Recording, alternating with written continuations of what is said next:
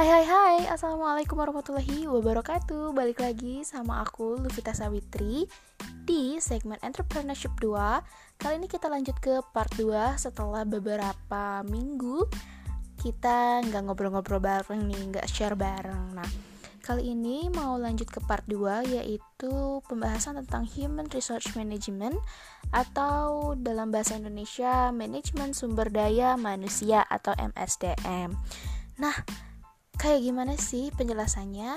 Yuk langsung aja simak dan dengarkan. Oke, uh, kita lanjut ke pengertian. Jadi, what is HRM atau MSDM?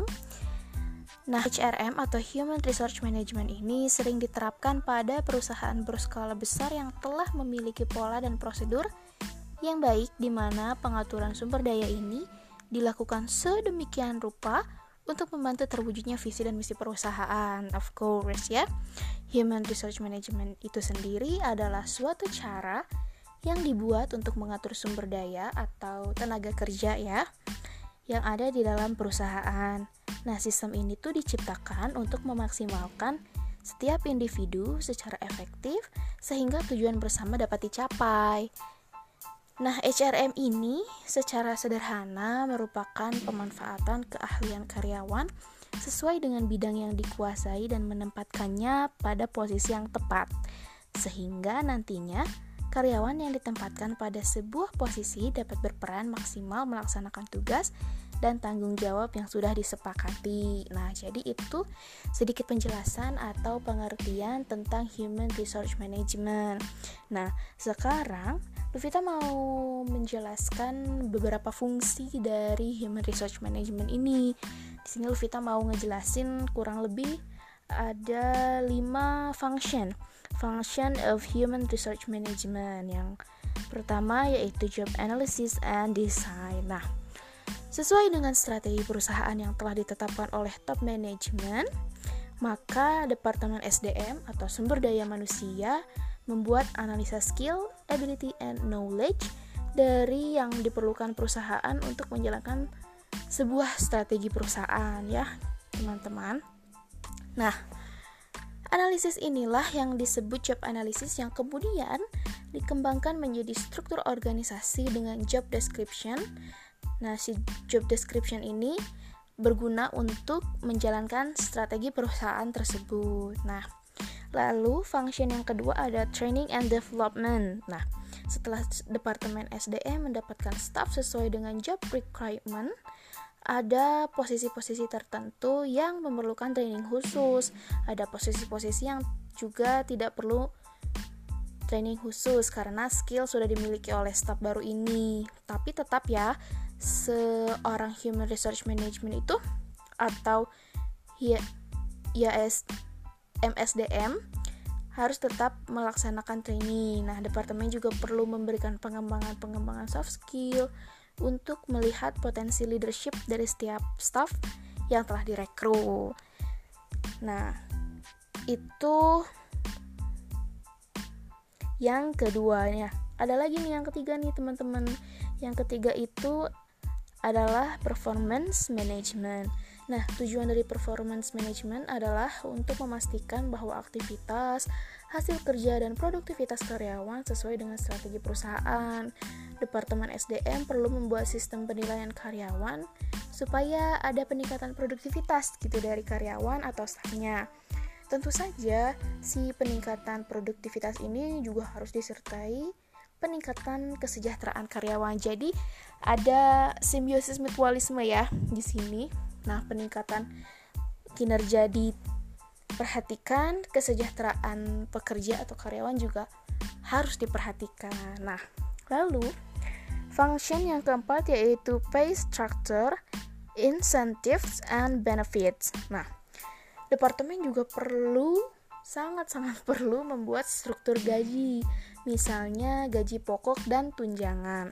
Tujuannya supaya standarisasi struktur pengajuan atau penggajian perusahaan jelas dan pengeluaran perusahaan untuk gaji sesuai produktivitas dari karyawan.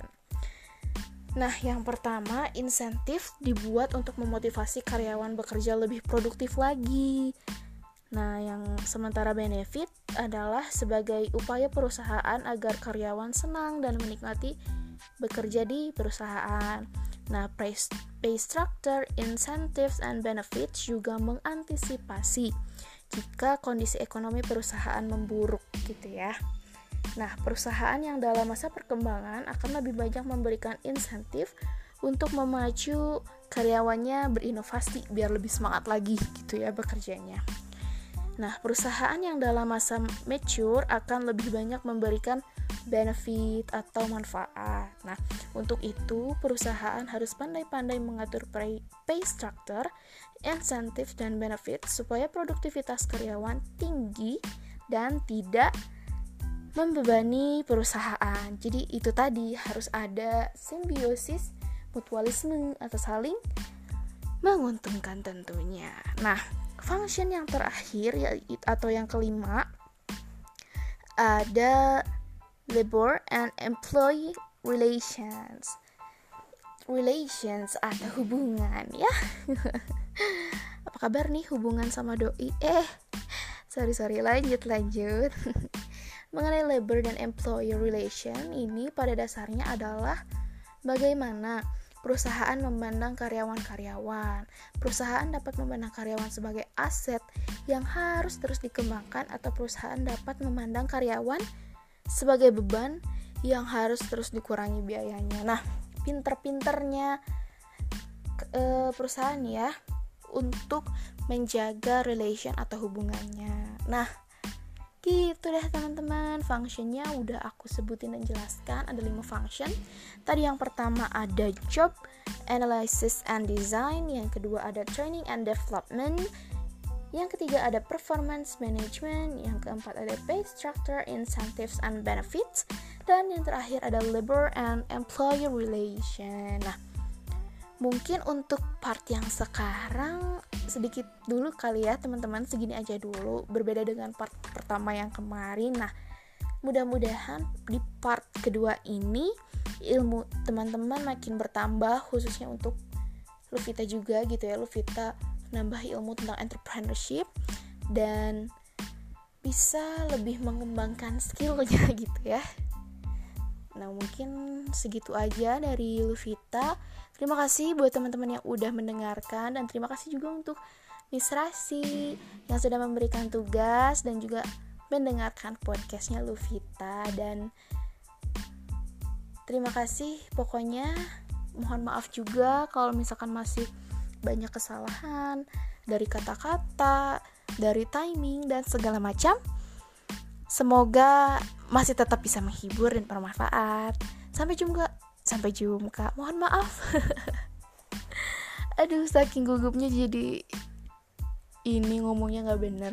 Sampai jumpa di podcast selanjutnya. Bye bye. Wassalamualaikum warahmatullahi wabarakatuh. Stay healthy guys.